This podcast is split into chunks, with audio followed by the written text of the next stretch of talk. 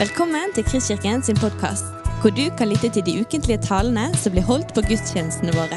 Vi håper denne podkasten vil inspirere og utfordre deg til å kjenne Gud, elske mennesker og tjene vår verden.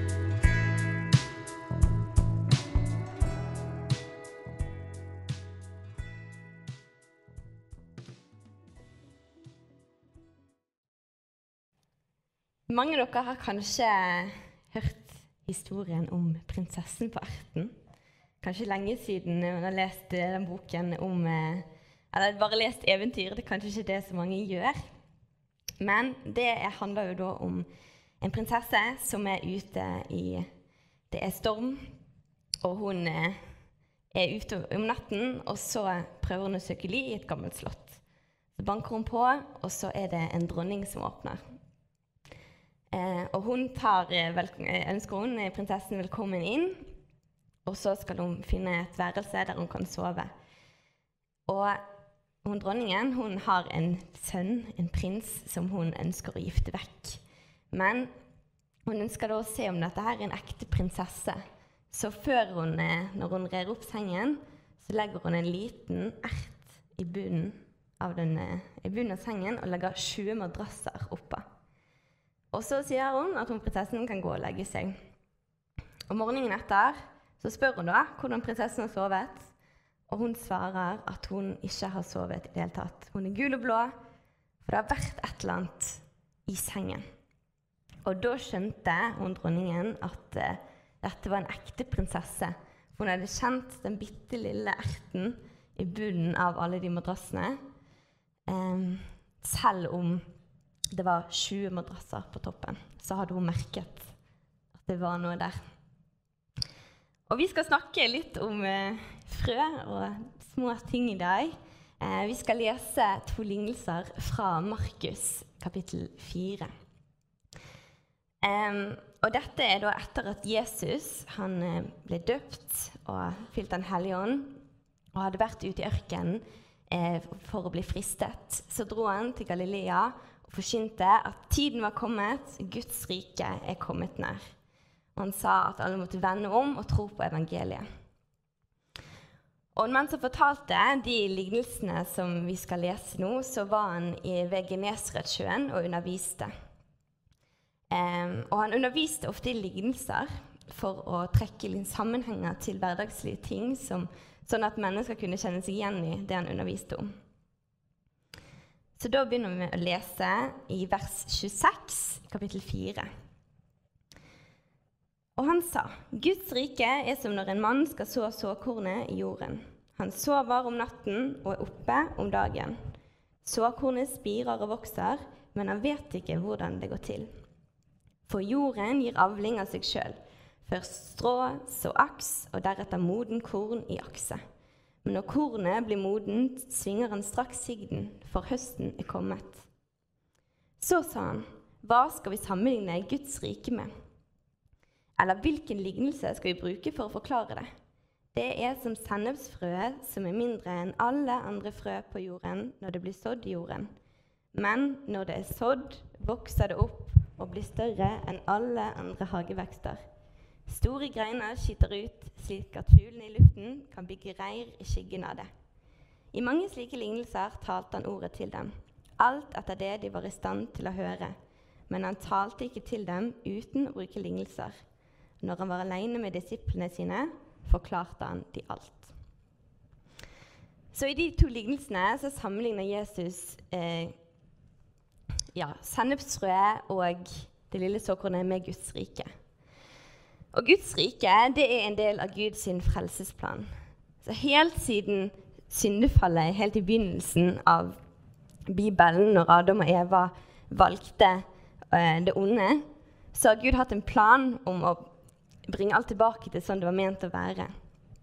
Og få den, gjenopprette den relasjonen som vi hadde da med Gud i Edens hage. Men Guds rike det handler òg om mer enn bare den relasjonen mellom enkeltmennesker. Det handler om et helt rike, hvordan alt skal være, hvilke verdier som skal prege verden. Hvordan skaperverket skal være. Eh, det handler om at det skal være på jorden, sånn som det er i himmelen. At det skal være rettferdighet, glede og fred. Og Forkynnelsen om Guds rike det var veldig godt nytt for disiplene, for de ventet på Messias. Eh, de levde i en tid der jødene de hadde, de levde under undertrykkelse fra romerne. Men de hadde òg disse profetiene om den Messias, frelseren, skulle komme og frigjøre dem og etablere sitt rike på jorden. Men de hadde gjerne en tanke om at det skulle komme en mektig konge og skulle lede, liksom, lede frigjørelsen fra romerne, at han skulle komme med makt. Um, men Jesus kom kanskje på en litt annen måte enn det de, var, det de forventet. da. Så i den første lignelsen om såkornet så kan vi se på Jesus som dette så, frøet som blir sådd. Når han kom for 2000 år siden, så kom han for å etablere Guds rike. Um, og i de profetiene om Messias skulle komme, så sto det at han skulle komme, han skulle være utrustet med Guds kraft, med Den hellige ånd. Og det er denne kraften også som driver Guds rike fram. Og det var med denne kraften han gjorde mirakler på jorden. Det var med denne kraften han kom og forkynte om, ja, om Guds rike og alt det innebar. Eh, og Jesus kom, og så døde han for oss. Og han vant over døden. Men så vet vi òg at han skal komme igjen for å fullføre det. Men vi vet ikke helt når det skjer. Så vi lever på en måte i en tid av at Guds rike er her. Det er plantet. Men det er ikke vokst fullt ut ennå. Så bare se på verden i dag, så vi lever i en pandemi, i korona. Det er ikke sånn det er ment å være. Det er sykdom. Samtidig så hører vi vitnesbyrd om at folk, får, uh, folk, blir helbredet, eller folk blir oppmuntret, og folk kjenner fred midt i en vanskelig tid. Så Jesus, han lever, han er ekte, han, han er her i dag. Så det er en sånn tosidighet der. Og det kan være litt vanskelig å forstå.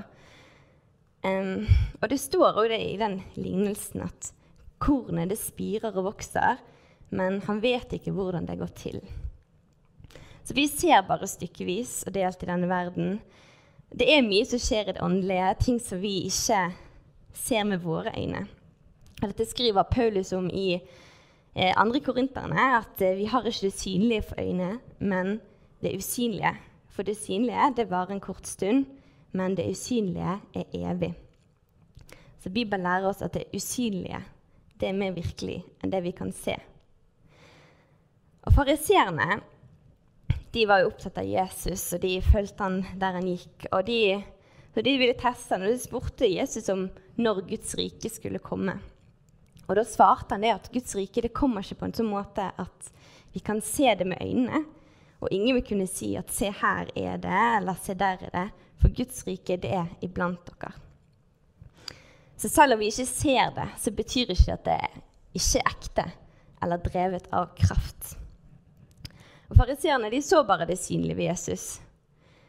Men de så, de så, alt han gjorde, de så miraklene, men likevel så hadde de den forventningen om en mektig konge skulle komme med makt eh, og frigjøre dem. Så istedenfor at det Jesus gjorde, den varmhjertigheten han viste, istedenfor at det forandret de, så skapte det en, en stolthet og en sinne, og de måte, hardnet hjertene sine for det. Og jeg har liksom lurt på hvordan de fariseerne kunne klare å på en måte ikke vende seg om. Hvorfor ikke det gjorde noe med dem, alt det som Jesus gjorde. og alt det, alt, altså, Han ville jo bare utbre Guds rike og å være, møte folk. Og da kan vi kanskje gå litt tilbake i det kapitlet som vi leser nå, for å, å se på når Jesus han snakket med disiplene sine og forklarte lignelsene. Og Det står i vers 10 at da han var blitt alene med de tolv og de andre som var rundt ham, så spurte de ham om lignelsene. Og han svarte at til dere er hemmeligheten om Guds rike gitt, men til de som er utenfor, blir alt gitt i lignelser for at de skal se og se, men ikke skjelne, høre og høre, men ikke forstå, så de ikke vender om og får tilgivelse. Og de som var utenfor, det var da de som ikke var født på ny. Eh, for Jesus sa det at ingen vil kunne se Guds rike hvis ikke man er født på ny. Så Fariseerne fulgte Jesus og det han gjorde, men de harnet hjertene sine for han forkynte fordi det krevde en forandring i dem. De måtte slippe den stoltheten med alle de forventningene vi hadde om hvordan Messias skulle se ut, og godta, eller se Jesus at, var, at han faktisk var Messias. Så de klarte ikke å se forbi det synlige av han, hvordan han var. Det krasjet litt med deres bilde. Og da klarte ikke de å ta imot budskapet og se Guds rike. Men disiplene de ble gitt en åpenbaring og en forståelse av, av, Guds rike fordi at de, de, erkjent, de bekjente at Jesus var Messias. Så de fikk, fikk tilgang på den hemmeligheten om hva Guds rike var. Og vi skal ikke se langt inn i evangeliene eller de videre bøkene i Nytestamentet for å si at de var ikke perfekte. Men de hadde gitt sitt ja til Jesus. Og de var villige til å følge han, selv om de ikke alltid forsto det. Um, og jeg må si at jeg syns det er litt uh, kjedelig å innrømme, men ofte så er jeg nok litt likere fariserende enn det jeg ja, har lyst til å innrømme. Um, jeg tenker gjerne at ja, hvis jeg hadde vært på den tiden, selvfølgelig hadde jeg fulgt Jesus. Men veldig ofte så uh, har jeg mye stolthet i livet mitt. Um, jeg syns det er mye enklere å forholde meg til det som jeg har forventet, eller ting som er konkret og synlige enn uh, abstrakte tanker. Og jeg syns det kan være veldig vanskelig å vende om hvis det er noe jeg tenker veldig skråsikkert og innser at jeg har feil. Um, jeg husker bare Det var en, en gang i fjerde klasse. Så uh, sto jeg og, utenfor klasserommet. hvor vi linet opp i to køer før vi kunne få lov å gå inn to og to. Og jeg var en sånn jeg hadde pugget alltid timeplanen. Jeg visste hva vi hadde etterpå. Jeg var forberedt til timen. Um, jeg gjorde alltid leksene mine i tid. Jeg var veldig strukturert og flink. Um, og så bare begynte jeg å snakke med en av de i klassen, og så sa jeg ja, nå er det sa jeg at ja, nå er det musikk vi skal ha etterpå. Han var nei, vi skal ha norsk nå. Men så var jeg så sikker. Nei, vi skal ha musikk. Og så sa jeg jeg vedder ti kroner for at det er musikk vi skal ha etterpå. Um, og så tok det ikke lang tid før jeg var kommet inn i klasserommet, før jeg så det at det sto det de norske glosene på tavlen, og det var visst norsktime, ikke musikk. Men da var jeg så stolt at jeg, jeg ga han aldri de ti kronene. Og det er jo bare en bitte liten ting. Men jeg tror det kan eh, Jeg tror ikke jeg er aleine om å være sånn, og at det kan gjenspeile seg andre ting og større ting i livet. Um, men mitt drøm, mitt drøm, ja, min drøm er at istedenfor at vi skal være sånn som fariserende når vi møter på noe som er, ikke møter helt vårt bilde av hvordan Jesus er, eller hvis det er et vers i Bibelen som er litt vanskelig å forstå, at ikke vi da harner hjertet vårt for det, men at vi går til Jesus. For vi har fått tilgangen, vi har fått hemmeligheten til Guds rike. Det er der fordi at vi har sagt ja til Jesus. Men det er en relasjon der, der vi kan komme til han med det vi ikke forstår, istedenfor at vi da setter opp denne veggen. Og Kanskje betyr det at vi må gi litt slipp på den tanken om at vi skal forstå alt alltid. Og det kan være vanskelig å gå litt i sånn ja, men Hvordan ser dette Guds rike ut? Hva, hva, er neste steg? Men da er det den invitasjonen til å, til å søke Jesus, til å venne seg til ham. At OK, jeg forstår ikke. Hjelp meg og led meg. Og vi vet kanskje ikke hvordan Guds rike vil vokse fram, men vi vet at det vil gjøre det. Det har vi fått et løfte om. Og da er det beste vi kan gjøre, det er å vende oss til Jesus og la ham prege oss. Og Jesus han sammenlignet også Guds rike med dette sennepsfrøet. Og Jeg vet ikke om dere har sett sånne små sennepsfrø, men de er veldig veldig små. Men de er òg Hvis dere har smakt på sennep, så er sennep utrolig sterkt. Um, altså, jeg tror nok du vet hvis du har smakt en uh, bit av sennep, så vet du nok at du har smakt det, for det kan svi litt på tungen fordi at det er utrolig mye krutt i, det, i den lille dråpen, det lille frøet. Og Jesus han var også sånn at uh, han ble lagt merke til der han var. Han satte et preg på omgivelsene sine. Eh, noen, gjerne fariseerne, så på han kanskje som en uh, urokråke, en som brøt litt opp med de normene og hvordan ting var i samfunnet, fordi han Han var litt annerledes. Men Jesus var drevet av barmhjertighet og medlidenhet for de rundt seg. Han var, kom til jorden som en konge, men han kom i en tjenerskikkelse. Han kom for de svake. Og han var ikke redd for å støte folk med sannheten. Han ikke, ville ikke bare bevare freden, han ville komme med sannhet og vise hva Guds rike faktisk var. Så han, eh, han hang med de som ikke var i de høye posisjonene. Han eh, kom og helbredet folk. Han sa sjøl at de som er friske, de trenger ikke lege, men det er de som er syke. Jeg er ikke kommet for å kalle rettferdige, men syndere til omvendelse. Så Jesus han påvirket omgivelsene i sin tid, og han påvirker verden i dag. Han forkynte om et rike som var annerledes enn alle andre riker, og han satte en ny standard for hvordan ting skulle være. For han hadde en helt annen virkelighet for øyet enn det som var akkurat her og nå. Han så lengre. Han så det usynlige, det som faktisk er evig. Så hvis hennes det viser oss det at vi ikke skal undervurdere betydningen av det som er lite. Jesus han kom faktisk til jorden i stillhet. Han ble født i en stall, en krybbe, et sted der ingen Ingen forventet det, ingen brydde seg om det som skjedde der. Han kom som et bitte lite barn, ikke som en stor hersker, sånn som jødene forventet det. Og de anerkjente ikke han som Messias fordi han ikke innfridde den boksen som de hadde puttet han i. De så ned på det lille frøet som var start på Guds rike på jorden. Men akkurat sånn som et sennepsfrø som ble begravet og skal vokse opp til å bli det største av alle trær, så er Jesu døde oppstandelse et løfte om at nytt liv vil bryte fram fra jorden, og at Guds rike det skal ikke være skjult. Det skal faktisk bli det største riket av alle riker. Det er, var en sped begynnelse på Guds rike, men det skal vokse fram og sette en smak på alt. Og vi, vi har tilgangen til den kraften som ligger i Guds rike, i dette frøet det er faktisk det er snakk om Guds ånd som driver det fram. Og vi har fått tilgang til Den hellige ånd, sånn at vi òg kan sette en smak på omgivelsene våre. Og det er ikke opp til oss å gjøre alt dette. Altså Guds rike blir drevet fram, men vi har fått tilgang til det, og vi har da et ansvar for å forvalte det. Så hvordan ser dette her ut i ditt liv? Jesus han sier det 'søk først Guds rike. Så skal du få alt det andre i tillegg. Så jeg tenker egentlig at det er et ganske fint sted å begynne. Det å vende blikket til Han.